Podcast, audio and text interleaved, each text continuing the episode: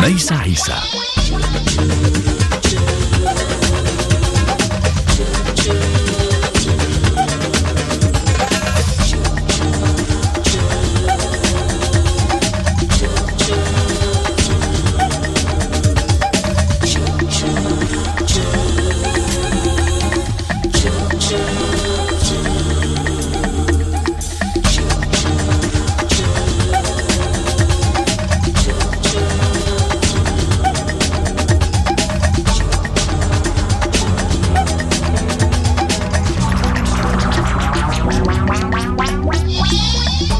تحية وسلام لكم أينما كنتم في عالمنا الشاسع والواسع. ميوزك أور اليوم ملونة بحكايات السفر بحكايات الشعر بحكايات الحب بحكايات بلدان مختلفة ولكن يجمعها السلام ويجمعها أيضا الرغبة في الوئام والرغبة في التفاعل مع الآخر. على أنطونيو بلاسير ما يفعله منذ أن بدأ مشوار هذا المغني الشاعر المؤلف الموزع الذي يأتينا من غاليسيا والذي يعيش في فرنسا استطاع أن يصنع موسيقى ملونة بالعالم ملونة بطرق وبريح العالم. كل هذه الرياح التي تهب من الشمال إلى الجنوب والتي يحملها في مشواره. هذا اليوم سيحملنا إلى مشروع وارس هو اللفظ خطأ ولكن أعذروني. الكلمة بالإسبانية معناها تروبادور معناها الشعر معناها المسافر. أهلا ومرحبا بك أنطونيو بلاتير في Music Hour. Bienvenue dans notre émission. Merci d'être avec nous. Merci à vous de m'avoir invité. اليوم أود أن أبدأ أنطونيو إذا شئت بالطبع. هذا الألبوم الذي يحملنا إلى الأندلس إلى يحملنا إلى موسيقى الفلامينكو يحملنا إلى موسيقى الجاز يحملنا إلى أماكن عديدة. ولعلك أنت في مشوارك دائما حرصت على أن تجمع ما بين هذه الحكايات الإسبانية لكن جذورك الإسبانية وحكاياتك الأخرى. فكيف ولد هذا المشروع تحديدا من تروفاوريس؟ Dans ton parcours jusqu'à aujourd'hui, euh, il y a toujours eu cette envie de faire rencontrer les histoires qui sont les tiennes, mais pas que. Les tiennes, elles sont aussi celles de tous ceux qui t'entourent. Elles sont un peu universelles à la portée de tout le monde dans la mesure où tu ramènes l'Espagne vers la France, la France vers l'Espagne, mais le jazz avec le flamenco et autrement, tu crées ces ponts. Et cette fois-ci, euh, le pont est, clair entre les univers, il est magnifiquement établi, mais j'aimerais que tu nous racontes, à ceux qui nous écoutent aussi, comment ce projet en particulier est né, dans quelles circonstances a vu le jour Il a vu le jour après une demande qui m'a été faite par le directeur de la Maison de, de la Culture de Grenoble pour célébrer le 50e anniversaire de la création de la Maison de la Culture. Et je ne savais pas, au moment qu'il me propose de créer quelque chose, sur quoi j'ai m'aventuré. Et en sortant, j'ai rencontré un collègue, un ami, euh, Jean-François Carcelen, qui m'a dit, euh, écoute, j'ai toujours rêvé d'unir ta musique au flamenco. Mm -hmm. Et voilà, le projet, il est né. Et c'est à partir de là qu'on s'est rencontrés à Grenade et à Séville avec des amis, Antonio Campos, etc., etc. Et euh, le, le, projet, il est né. Il est, il est né simplement pour unir, unir ce que tout le monde croit que c'est impossible. Mm. Ça veut dire, moi toujours je me suis amusé, comme vous me disiez tout à l'heure, à unir des choses, parce que peut-être antérieurement, par rapport à mon vécu d'enfant et de jeune homme, j'avais besoin de créer de l'union. J'avais besoin d'arrêter cette guerre civile dans, laquelle je suis né et j'avais besoin à travers la culture de pouvoir unir les impossibles. Et la Galice et, l'Andalousie sont très proches parce que bon, c'est pas mille kilomètres qui, qui, qui, qui vont créer une distance, mais culturellement, on nous avait dit qu'il n'y avait rien à voir, etc., etc. Et je trouve qu'ici en France, on a, on a réussi justement à inventer des tas de choses qui, en principe, doivent unir les êtres et, et doivent nous permettre de comprendre justement que, que, qu'on est tous issus d'une seule humanité, d'une seule racine, comme si nos arbres poussaient à l'intérieur de la terre, une racine qui va se toucher un point central dans lequel on est tous les fils, et les pères et, et la mère de, de tout ce qui peut naître. Et pardonnez-moi de, de, parler comme ça, mais c'est mon cœur qui est content d'être là. et, voilà, traduire. إذا أعتقد بأن هذا المشروع ولد بكل بساطة لأن مدير ديريكتور ميزون لا كولتور في مدينة غرونوبل أي دار الثقافة في غرونوبل أراد أن يحتفل بالعيد ميلاد الخمسين لهذه المدينة لهذه لهذه الدار. وطلب مني بأن أقوم بهذا العمل. وصديق أنذاك جان فرانسوا كاثيلين هو الذي قام باقتراح جلب عالم الفلامينكو إلى عالم الجاز. وهكذا تمت الرحلة إلى غرناطة إلى إشبيليا. وقمنا بصناعة هذا العمل مع أنطونيو كامبوس وغيرهم وهناك ولد هذا العمل بهذه الطريقة. كانت الفكرة بأن أفعل المستحيل غندر بوسيبل سكي امبوسيبل ما كان يظن الناس بأن مستحيل أن نجمع الأشخاص مع بعضهم البعض. أردت عبر هذا العمل أن أجمع في ذاكرتي كطفل وكشاب ما عشته خلال الحرب الأهلية في إسبانيا وأن أضع كلمات وأضع أشياء جميلة على هذه الحقبة وأن أجمع الأشخاص في مشروع واحد. هنا في فرنسا كذلك هناك ثقافة ولدت لكي تجمع ولكنها في نهاية المطاف هذه الأيام لا تجمع وعلينا اليوم أن نكون شجرة واحدة.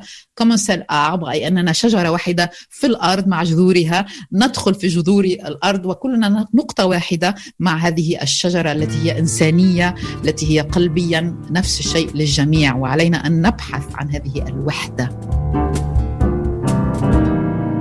Mi corazón abre primaveras como una llave de amor. Tulipanes y peonias cubren mis brazos en flor. Al ser flor al bien apuesto, me dirijo hacia tu amor Voy a cantarte mis pétalos al mi al balcón. Ay, Mavi, ay, Mavi, mi reina, ay, Mavi, ay, Mavi, mi sol, ay, Mavi, ay, mi coloreada cachito del corazón. Ay, Mavi, ay, Mavi, mi reina, ay, Mavi, ay, Mavi, mi sol, ay, coloreada cachito del corazón هل هناك في مشوارك أنطونيو بلاثير حتى اليوم محطات ربما عديدة ولكن سأحملك إلى السابعة عشرة من العمر هذا المكان الذي كنت فيه أنت ما زلت مراهق وماذا كنت بماذا كنت تحلم عندما كنت في السابعة عشرة وإلى أي نوع موسيقي كنت تستمع؟ كيف كانت حياتك في السابعة عشرة Je vais te ramener en arrière vers tes 17 ans. Et je vais essayer de, de avec toi, je vais te proposer de, de reimaginer ou de te remettre dans cet endroit-là, comment tu étais, euh, comment tu te sentais, quel genre de musique tu écoutais. Et aujourd'hui, quand tu regardes Antonio des, de, de, Antonio des 17 ans, comment tu le regardes كيف تنظر إلى نفسك عندما تعود إلى الوراء أنطونيو بلاثير وتنظر إلى نفسك في السابع عشر من العمر Je dis souvent que, que je suis né à 16 ans.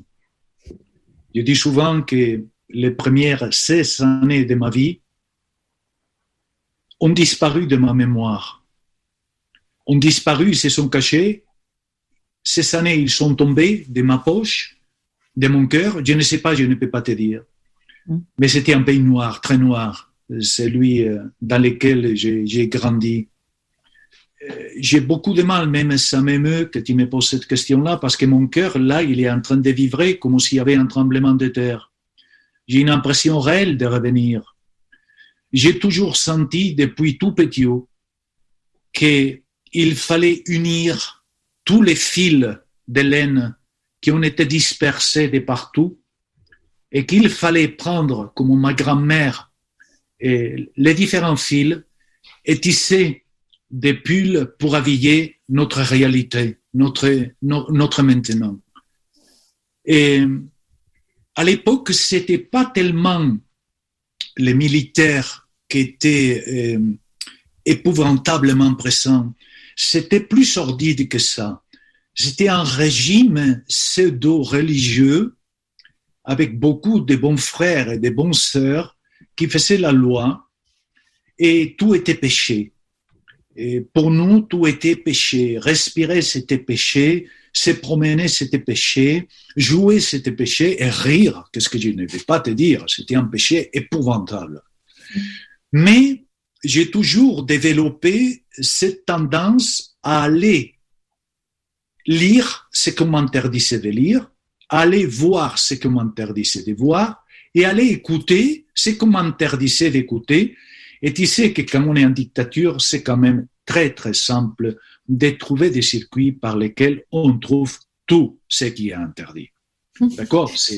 Et alors tout d'un coup, bah, tu m'avais posé la question déjà avant, mais la grande révolution pour moi, et je te dirais un tout petit peu avant mes, mes 17 ans, c'est à 13 ans, c'est 2000 ans l'Odyssée de l'espace, Stanley Kubrick, Richard Strauss, ainsi parlait Zarathustra, Lux Eterna de Ligeti, et le groupe Blood, Sweet and Tears, Daily, Daily Clayton Thomas, qui chante d'une façon qui me bouleverse les tripes dans une langue que je comprends que qu'est-ce qu'il est en train de raconter, avec un big band des gens qui jouent, dans lesquels le jazz, avec la musique hispanique, avec le country, avec le gospel, avec toutes les traditions qui s'unissent aux États-Unis, il propose un, un, une musique unique que, que, pour moi, je pense, que, qui, qui, qui a forgé en moi la, la pierre angulaire de, de mon chemin d'après. Mm. Ma mère, elle, elle chantait divine, très bien, super. Elle avait une voix divine, mais il paraît qu'elle a chanté pendant les neuf mois que j'étais dans son ventre. Après, elle s'est arrêtée parce qu'elle voulait avoir une fille. À l'époque, pour une femme, je suppose avoir un grand garçon parce qu'il faut que tu vois que je, suis très grand déjà à la naissance. Maintenant, je mesure de mètres un depuis mes 14 ans, mais j'étais très, très grand. Et je pense que pour une femme dans cette société inquisitoriale, ce n'était pas simple du tout. Et avec ma mère, il y a eu un lapsus de temps entre ma naissance et mes 40 ans. À mes 40 ans, on est devenus les meilleurs copains du monde. D'ailleurs, jusqu'à sa mort, on a été tous les deux vraiment des grands copains. Mais il y a eu ce laps de temps des 40 ans dans lesquels il n'y a pas eu aucune communication, rien du tout. Et, tout d'un coup, elle chantait d'une façon que je pense que j'ai dit que quand j'étais dans son ventre, dans la forge, et là, comme, comme un forgeur, elle a forgé ma musique, elle a forgé mon chant. Et après, il a fallu un temps pour que justement euh, des réalités des artistes autres viennent ajouter leur grain de sable et entre autres euh, Blood, Sweet and Tears qui, qui, qui, est pour moi encore aujourd'hui, je l'ai fait écouter de partout aux jeunes gens pour leur montrer comment on peut être un, des grandissimes musiciens et en même temps euh, pouvoir faire les choses simplement, que c'est la chose la plus difficile d'ailleurs. بلو سويت انت أنا ولدت أنا ولدت في السادسه عشره من العمر. أقول دائما أني ولدت في السادسه عشره من العمر لأنه كل ما سبق السادسه عشره من العمر اختفى من ذاكرتي من دو ما بوش دو مون كور من جيبي من قلبي. البلد كان أسود أسود كثيرا وقاتم. كبرت هناك وقلبي يعود الآن إلى تلك الحقبة ويشعر كما أن لو زلزال يدخل ويزعزعه لأنني أريد كخيوط الصوف التي كانت تنسجها جدتي. أريد أن أنسج مثل جدتي هذه الخيوط لكي أسمح أن أنسج واقعنا وحياتنا اليوم. أنا ذاك لم يكن الميليتير هو المشكلة أو العسكري بل كانت هذا النظام الكامن مع الرهبان والراهبات لانتردي الممنوع. كل شيء كان ممنوع. الحياة اللعب المرح الضحك خاصة الضحك. الضحك كان ممنوع. وأنا كنت أطوق لكي أستمع إلى كل ما هو ممنوع أن أقرأ كل ما هو ممنوع أن أرى كل ما هو ممنوع وتعرفين أنت بأن هذه الأماكن الممنوعات هناك دائما طريق أخرى نمشيها نحذو بها لكي نصل إلى كل ما هو ممنوع. الثورة الكبرى بالنسبة لي كانت في الثانية عشرة من العمر عندما رأيت ستانلي كوبريك وغيرهم من الأفلام ولكن أيضا بلو سويت اند تيز هذا الف... هذا هذه الفرقة الجاز البيج باند الهائلة التي استطاعت أن تمزج بالجوسبل وموسيقى أخرى وهائلة كانت وفعلا هذه الموسيقى هي التي صدمتني وأذكر بأن أمي أيضا عندما كنت في احشائها كانت تغني كانت تغني وربما لعلها بغنائها صنعت من أنا اليوم ألا فورجي كي جو سوي أي إنها صنعت فعلا الموسيقى التي أحببتها بالرغم أننا لم نتحدث حتى مي 40 حتى ال 40 من العمر ولكن أصبحت صديقتي بعد الأربعين من العمر وأمي هي التي قامت بصناعة هذه الرغبة الموسيقية في داخلي وفرق أيضا مثل فرقة بلو سويت امتياز التي أسمح أو أريد الجميع أن يكتشفوا هذه الفرقة.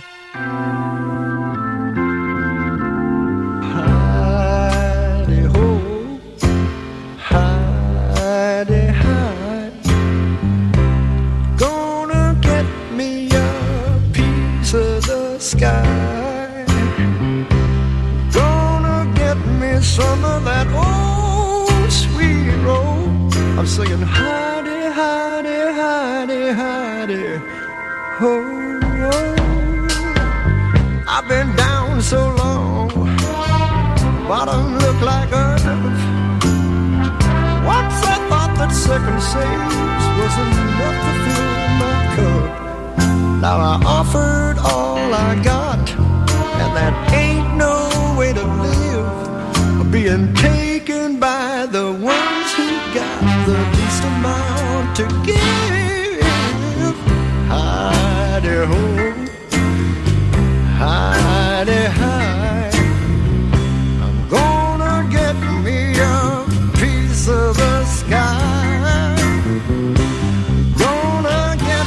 of that old sweet roll. I'm singing honey, honey, honey, honey, ho.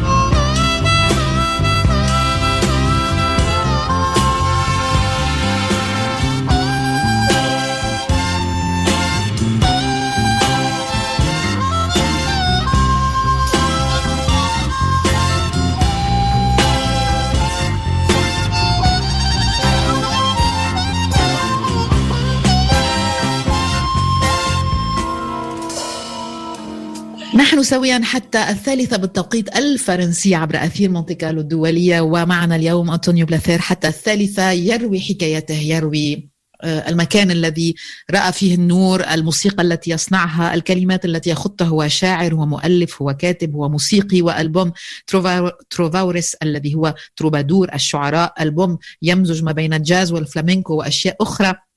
وحكايات مستمرة اليوم يصطحبه أنطونيو كامبوس الذي أيضا موجود في هذا الألبوم الجميل. أصوات قوية جدا كصرخات من الداخل كأشياء تأتي من من من من ألمنا من ما ينبع في داخلنا. ولعلنا في هذا الألبوم نحس أيضا بكل تاريخ ال ال ال الأندلس وبكل ما جرى في هذه الأماكن بكل ما جمعنا وكل ما فرقنا في آن واحد بعد بعد ذلك وكل ما فرقنا بعد ذلك ولذا أريد أن أطرح هذا السؤال أنطونيو بلاثير الأندلس وما تعنيه اليوم بالنسبة لك J'aimerais poser cette question parce que dans l'album nous sentons cette voix aussi, ces, ces, ces cris de l'intérieur, ces, ces douleurs en fait, parce qu'il y a des endroits où c'est même pas chanté, c'est c'est scandé en fait, c'est c'est vraiment euh, comme le flamenco, il y a quelque chose qui sort aussi bon. Et j'aimerais pouvoir poser la question, même si elle est, elle nous amène en arrière et qu'elle, pour beaucoup de gens arabophones qui écoutent, on dit toujours l'Andalus, l'Andalusia, l'Andalus, l'Andalus. Et, et, et en quoi aujourd'hui, en quoi aujourd'hui où nous sommes en 2021 et dans ce que nous vivons aujourd'hui, ce que nous connaissons aujourd'hui de nos sociétés et de notre société française et autres, euh, cette, cette Andalus peut être une leçon. Et comment on peut en tirer une leçon aujourd'hui?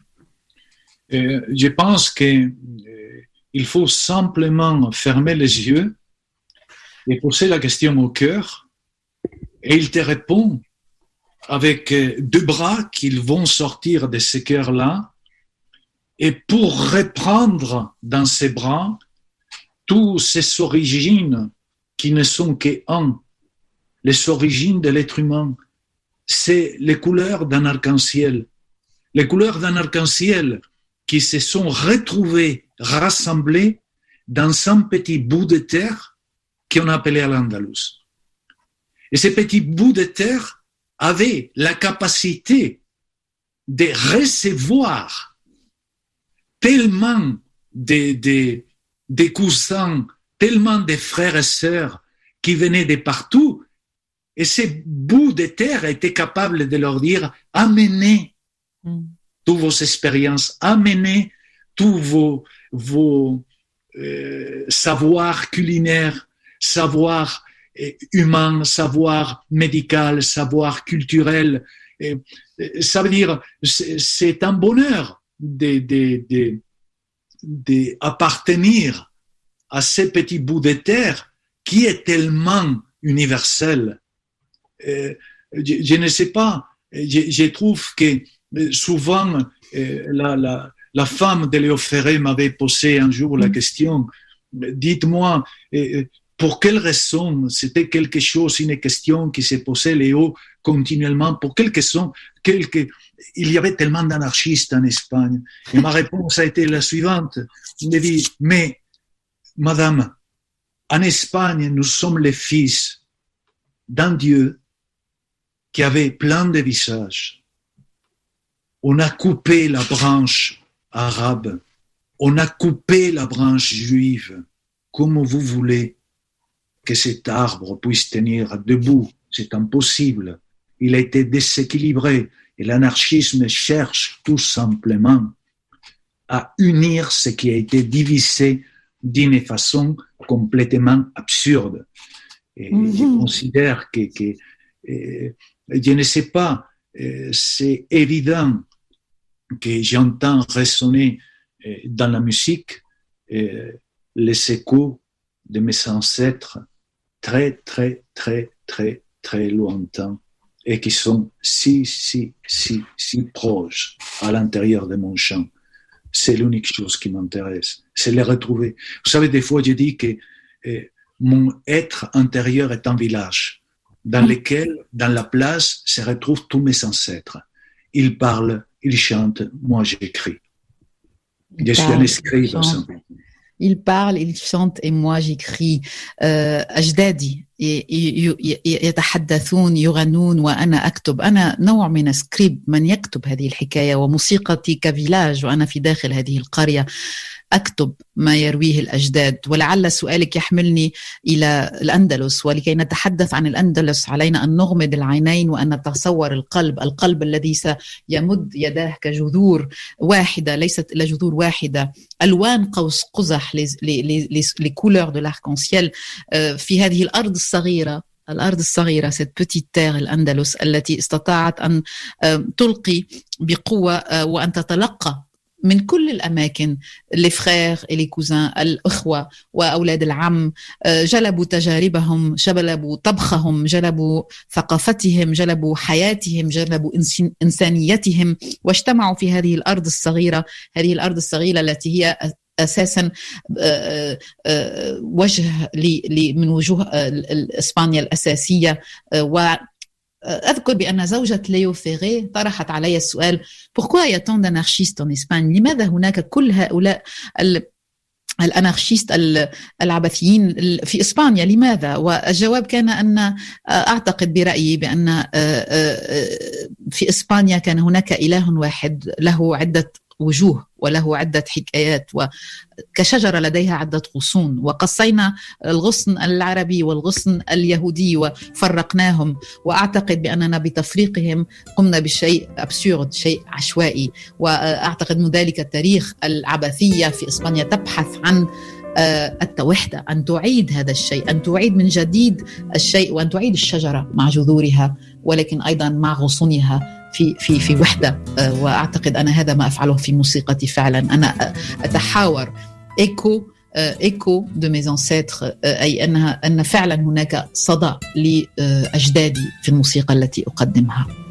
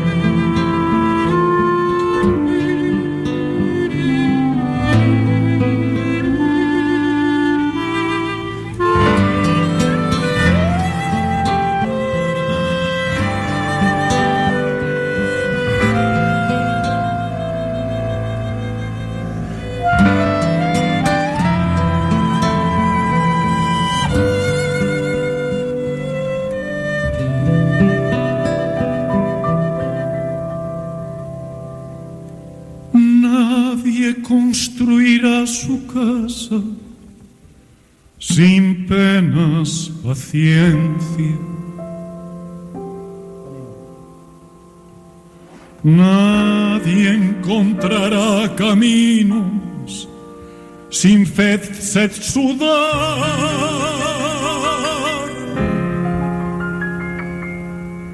Cuanto más frondoso el árbol, más sombra lo ronda.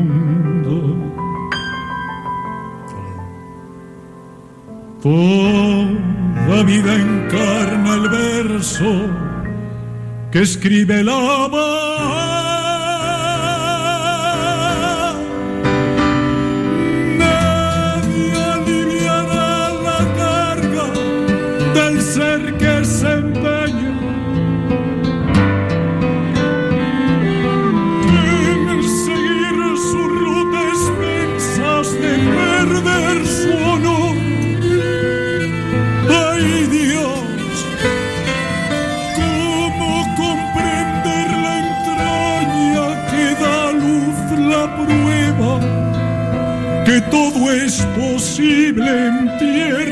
sin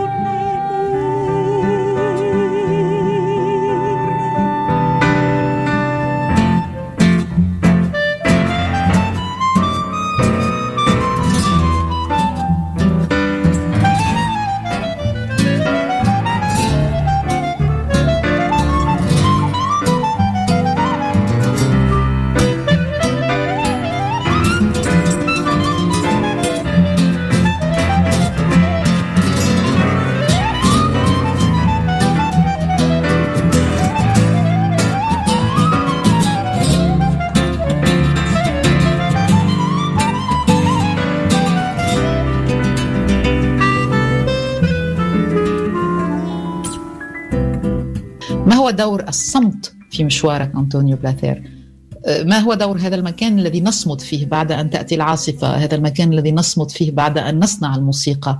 هذا المكان الذي نصمت فيه لكي نستطيع أن نتلقى من جديد وأن نتخيل وأن نرسم وأن نتفاعل. J'ai toujours senti la musique comme un cheval, un cheval qui me permettait peu à peu, quand on s'est connu, avec les temps parce qu'il faut savoir respecter les côtés sauvages euh, de la musique et faire, euh, je dirais, créer une fraternité avec cette musique. Euh, ce cheval de la musique m'a permis de, il m'a amené au pays du silence.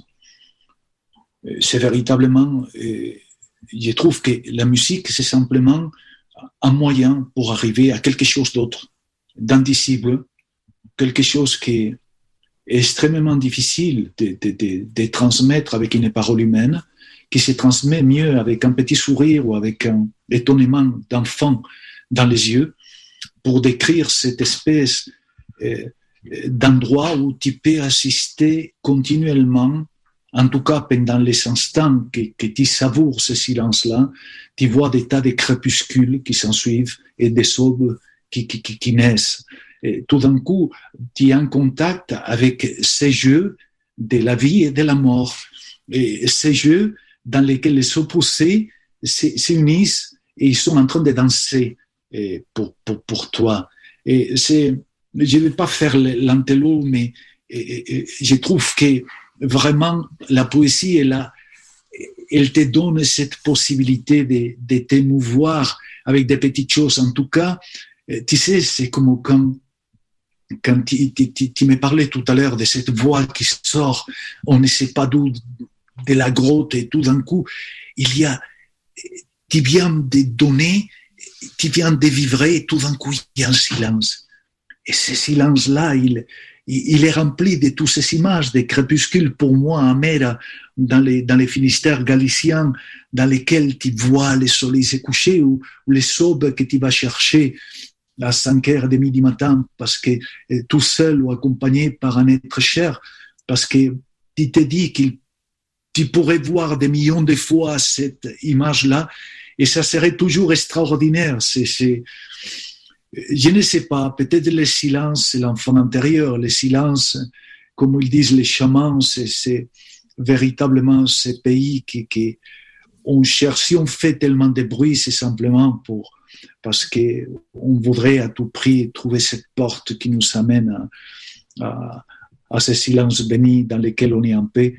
Et je trouve, en tout cas pour moi, la, la musique a été les chevals, les compagnons, Ramuel, comme je l'appelle, qui, qui, qui, qui m'a amené à, à, à, cet endroit. Alors des fois, on, on le perd, tu sais, cet endroit-là, ben, on se met dans un état autre pour laisser galoper aussi des tas de musique en toi et des tas de poèmes et tout d'un coup tu les accouches. C'est ça, on a besoin de notre femme intime pour pouvoir accomplir ce miracle-là. Et tout d'un coup, tu arrives sûrement qu'on cherche tous ce silence-là.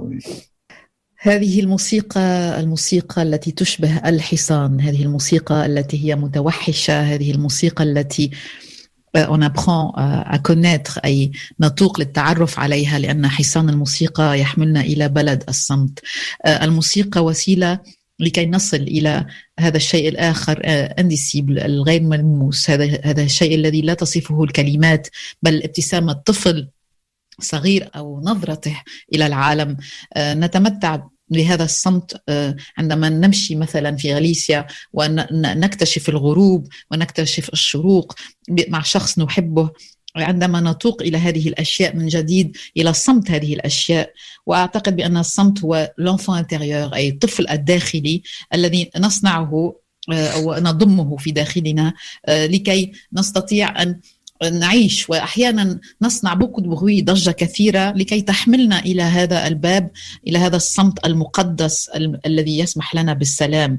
وربما هذه هي اللحظات من حين آخر التي نصنع فيها الموسيقى مع نطق فم انتريور أي الناحية الأنثوية في داخلنا التي تسمح لنا بأن نبدع وأن نكتب وأن ننتج ولكن نعود من جديد إلى هذه الأرض إلى هذا المكان إلى هذا السلام الذي نتوق إليه دائما.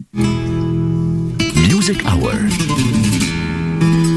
ميس عيسى. آه ما زلنا في ميوزك اور حتى الثالثة برفقة أنطونيو بلاثير وما زلنا في هذا المكان الخاص الموسيقي وسنتحدث عن السينما آه أنطونيو. السينما وربما عن الصور. منذ أن بدأنا هذه الساعة أنطونيو بلاثير وأنت ترسم لوحات ما بين أقواس قزح وأحصنة وبطريقة شاعرية جميلة جدا. فما هي علاقتك؟ تحدثت من قليل مع عن ستانلي كوبريك والأوديسي 2000 ما علاقة أنطونيو بلاثير بالصورة؟ Depuis le début de l'heure, tu euh, dessines dans mes yeux des paysages et je voyage à travers ces, images que tu, portes dans, ta poésie. Et tu as évoqué tout à l'heure euh, Stanley Kubrick et, et de l'espace. Et j'aimerais ici qu'on s'arrête un peu avec l'image et avec le cinéma aussi, par conséquence, parce que l'image, bon, elle est dans la poésie, mais j'aimerais aussi que tu puisses nous dire un mot sur le cinéma ton rapport au cinéma. Et, nous choisir aussi un film, musique de film qu'on peut écouter qui va un peu nous, raconter ton rapport à, à cet univers-là. Mm. Euh, L'Odyssée de l'espace, euh, je vais la rencontrer à Bilbao, où vivaient mon père et ma mère, quand j'ai 13 ans, à la fin de l'année 68. Et pour moi, ça va être euh, Richard Strauss, c'est la première fois que j'entends ainsi parler Zarathustra, l'ouverture de Richard Strauss, c'est quelque chose qui va profondément me bouleverser et Lux Eterna un peu plus tard dans le film de Ligeti, qui, qui, qui, qui m'a accompagné d'une façon positive et négative et pendant beaucoup, beaucoup, beaucoup d'années de ma vie, des points de vue que cette pièce musicale de Lux Eterna de Ligeti, je l'avais entendue en moi-même depuis tout petit. Quand mes angoisses venaient me rendre visite, jeune homme, j'entends lux eterna. Alors naturellement, il faut voir la, la, la, la, métaphore là-dedans, mais c'était quelque chose qui m'était connu. Je connaissais véritablement cette musique-là. Après, Stanley Kubrick a été pour moi un, un, un référent et un ami que j'ai jamais rencontré, un ami qui, qui m'était cher et qui, qui m'a accompagné depuis mon jeune âge jusqu'à sa mort. Bon, on va s'arrêter là, on va dire sa mort. On va pas dire qu'il a touché avec son dernier film, il a dénoncé certaines cérémonies et pas très catholiques du pouvoir, et tout d'un coup, comme par miracle, il a disparu. Mais c'est un homme qui, c'est un artiste qui, qui, qui, qui m'a accompagné. Et après, un autre artiste et cinéaste qui m'a accompagné, c'est Luis Buñuel. Mm. Luis Buñuel parce que c'était quelqu'un qui, qui avait cette capacité, que j'ai connu à travers d'autres personnes qui lui ont été très proches, parce que la vie, elle est comme ça. Et euh, j'adorais Luis Buñuel par rapport à ses côtés euh, complètement euh, incroyables qu'il avait pour décrire la société, la bonne société espagnole, la bonne religieuse société espagnole comme personne. Et, euh, et bon, les troisièmes, je dirais, si tu me permets, bon, après il y a plein d'autres, mais c'est Truffaut, que j'ai la chance de croiser, de chanter pour lui en 1981, si ma mémoire est bonne, quand il tournait juste à côté de Grenoble, à Milan, et la femme d'à côté. J'avais rencontré aussi Fanny Ardant et, et, et, et Depardieu. Après, un cinéaste qui m'a bouleversé les tripes aussi, c'est euh, Pasolini. Pasolini, c'est euh, les années 80, c'est pour moi, il est déjà décédé. Et tout d'un coup, je vais avoir la chance de, voir la totalité de sa filmographie. Les Pasolini cinéastes va m'amener vers les Pasolini poètes. Et c'est quelqu'un qui, qui, qui, va, c'est un ami aussi que j'ai jamais rencontré, qui, qui m'a énormément nourri. Et après, les cinquièmes de la lignée, c'est Ettore Scola. Ettore Scola a, profondément euh, euh, bouleversé aussi mon âme de, de, de jeune homme. Euh, c'est quelqu'un que j'ai eu la chance aussi de rencontrer sur Grenoble et dans les années, écoute, euh, ça devait être 78, 79 par là, et je m'en souviens pas exactement, mais ça m'a beaucoup, beaucoup, beaucoup influencé. Mm. Et, et j'ai toujours adoré le cinéma. Et j'ai, euh, après, il y a Berman, et après, il y a bon, des tas d'autres, tu vois, mais bon, هناك في عالم السينما عدة حكايات ولكن ربما أبدأ بستانلي كوبريك وفيلم أوديسي في الفضاء أوديسي سبيس كان ذلك في عام 1968 في بلباو عندما كنت في الثالثة عشرة من العمر مع أهلي هناك وعندما استمعت إلى ريتشارد ستراوث إلى هذه المقطوعة أنسي بارلي زاراسوتشا فهذه المقطوعة تأثرت بها وحركتني بعمق ولكن أيضا عندما كنت اصطحبتني هذه هذه المقطوعات بطريقة بوزيتيف ونيجاتيف أي سلبية وإيجابية. فكنت عندما أشعر بالقلق وأصاب بحالات من القلق لوكسرتيني كانت هي موسيقى القلق التي كنت أعيشه. الصورة كنت أعرف هذه الموسيقى كما أنني فعلا عشتها. ستانلي كوبريك كان مرجع كان صديق لم أتعرف عليه ولكنه اصطحبني حتى مماته. وأعتقد بأن آخر فيلم له الذي يصف فيه بعض السيريموني باكاثوليك بعض الاجتماعات الغير كاثوليكية في ضمن البوفوار ضمن السلطة وبعدها اختفى لا ندري كيف. لوي بونيل أيضا بنيويل الذي كان بالنسبة لي صديق أيضا أنه استطاع أن يصف المجتمع الإسباني المتدين البرجوازية الكاثوليكية الإسبانية بشكل لم يستطع أحد آخر بأن يفعل هذا الشيء. هناك تريفو أيضا الذي التقيت به في مدينة غرونوب بقرب عام 1981 عندما كان يصور لا فام داكوتي الامرأة التي بجانبي مع فاني أردون وكذلك جار ديبارديو. باسوليني أيضا المخرج باسوليني الثمانينات لأنني أجد في أفلامه قوة هائلة. وأيضا اكتشفت من باسوليني السينياست إلى البويت أي من من المخرج إلى الشاعر صديق لم لم ألتقي به. وأخيرا أتحدث عن ايتورو سكولا الذي التقيت به في مدينة غرونوبل في 78 79 وهو أيضا كان لديه أثر هائل في مشواري وحركني كثيرا. باستطاعتي أيضا أن أتحرك أن أتحدث عن بيرغمان عن غيرهم من السينمائيين.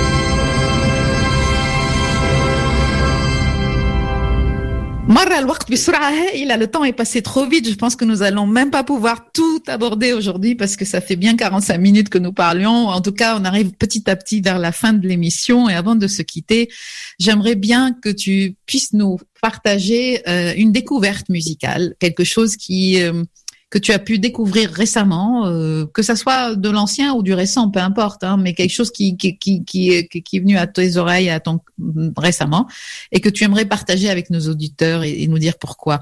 نصل بسرعة إلى نهاية الحلقة وأود أن تشاركنا أنطونيو بلاثير باكتشاف موسيقي لا أدري اكتشفته مؤخرا ليس بالضرورة حديث أو قديمة مهم أنه اكتشاف تشاركنا نحن والمستمعين. Il y a, il y a heureusement beaucoup d'artistes que, que je voudrais sortir dans mon balcon pour que. Mais il y a surtout une femme, une jeune femme qui s'appelle Armande Ferry Vilsec et qui m'a, que c'est une compositrice de ce qu'on appelle chanson française, qui est complètement différente de tous ces cette nouvelle vague des chansons françaises, un tout petit peu trop proprettes à mon goût, euh, qu'on a l'impression que c'est la même personne qui chante, qu'on a l'impression que, que c'est les mêmes choses qu'on dit, qu'on est en train d'entendre des musiques qu'on a entendues 18 000 fois, mais on dit que c'est la modernité. La modernité maintenant, c'est plagier, euh, je dirais, des, musiques au début, des, musiques, etc., etc. Et pour revenir à cet artiste, elle va sortir un disque qui s'appelle Qui ne dort plus. Et né, c'est de naître à la place qui ne dort plus, qui ne dort plus. Et j'ai beaucoup de plaisir à écouter les chants. Cette capacité qu'elle a, cette artiste, à se dénuder, je pense qu'aujourd'hui, on a besoin d'un féminin qui puisse justement, sans utiliser euh, les pouvoirs politiques, pouvoir dire véritablement euh, tout, son parcours, qu'est-ce qu'elle a dans le cœur, qu'est-ce que vous avez dans le cœur, et, pour pouvoir justement euh, composer une société qui arrête de diviser, qui arrête de déterminer celui-là ou cela, c'est plus puissant, c'est plus important, et qu'on puisse s'unir enfin, même si ce n'est pas simple, même si nos visions sont différentes. Mais je trouve dans cet artiste quelque chose de rafraîchissant et qui, en tout cas par rapport à, à mon histoire, des points de vue que des gens comme Moustaki, Ferrat, etc., etc., m'ont beaucoup aidé à un moment de, de, de, mon parcours. Je trouve que cette lignée des, des grandes chansons françaises, il y a des, personnes aujourd'hui qui suivent justement à leur façon, et Armand Ferry-Vilsec forme partie de cette lignée. Quoi. Euh, Armand Ferry-Vilsec اسمها آه هذه المغنية أرماند فيري فيلسك التي أود أن أعرفها عليك آه أو أقترحها عليكم لأنها أعتقد تنتمي إلى النوفيل فاج الفرنسية. النوفيل فاج الفرنسية شانسون فرانسيز التي برأيي اليوم آه ليست فعلا معاصرة المعاصرة بلاجيا أي أننا نصنع بطريقة نفس الموسيقى كل مرة نصنع نفس الشيء آه إنها موسيقى آه متداولة فارغة قليلا وهي تأتي هذه هذه المغنية بصوتها وقدرتها على أن تخترق. وأنا أجد لذه هائله الاستماع إليها لأنها البوس دينودي هذه القدرة على التعري على أن تعطي فعلا من هي. ونحتاج اليوم إلى فيمينا إلى أنثوية. من هذا الصعيد أنثوية باستطاعتها أن تكون المجتمع اليوم وأن تصنع مجتمع موحد. ليس فيه هذا بلو فور moins fort. ليس فيه الأقوى أو الأضعف بل فيه آه هذه الوحدة هذا المكان الذي نجتمع فيه سويا. وأنا أعتقد بأنها كمستكي كفيغا آه أسماء في عالم الموسيقى الفرنسية تأثرت بهم كثيرا وخلقوا فعلا تيار. فهي في هذا الخط تمشي في نفس الخط وأعتقد بأنها فعلا آه تجلب آه، شيء معين للأغنية المعاصرة الفرنسية اليوم.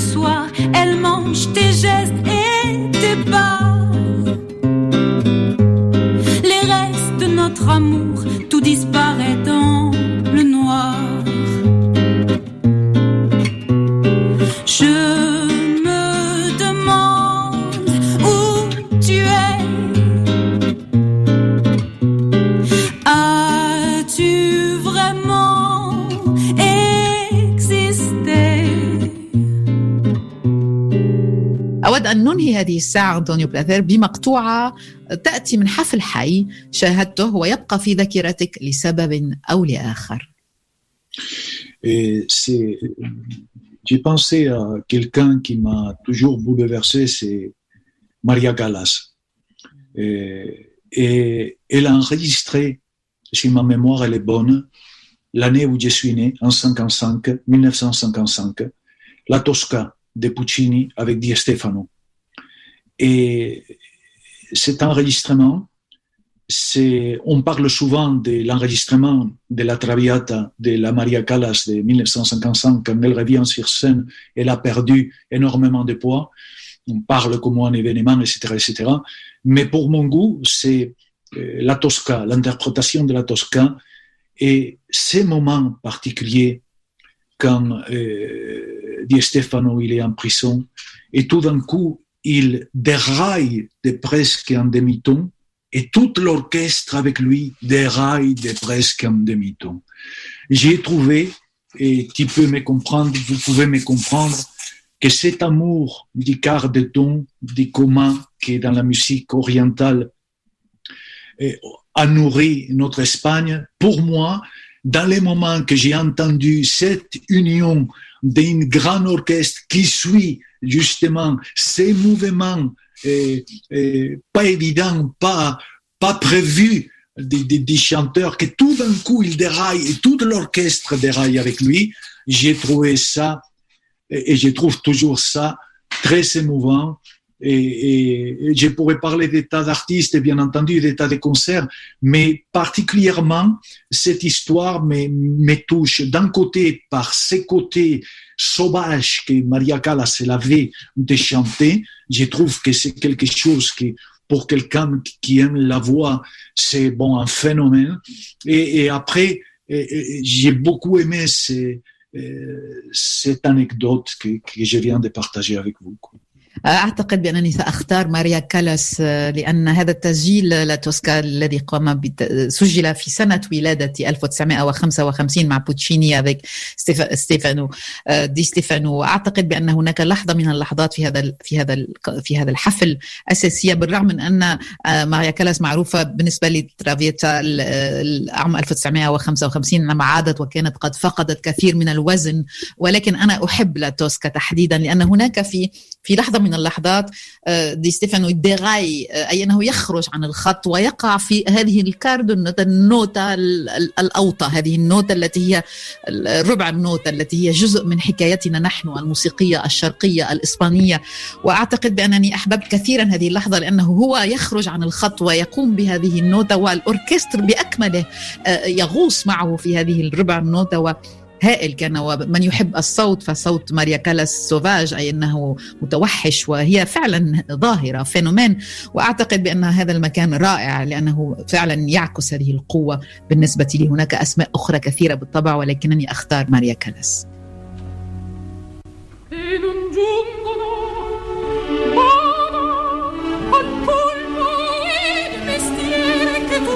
e sul momento e al naturale. ma stammi attento di non farti male. Con scenica scienza io saprei la movenza. Parlami ancor come dianzi parlavi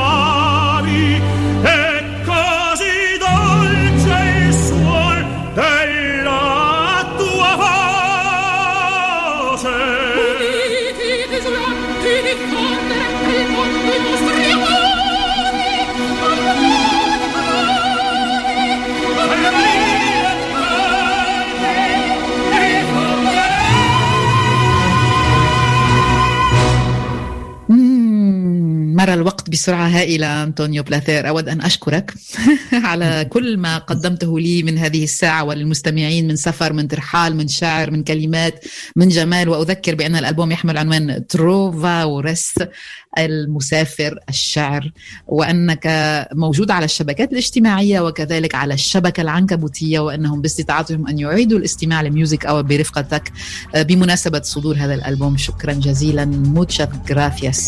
أنطونيو Tout grand. Music Hour. ميس عيسى.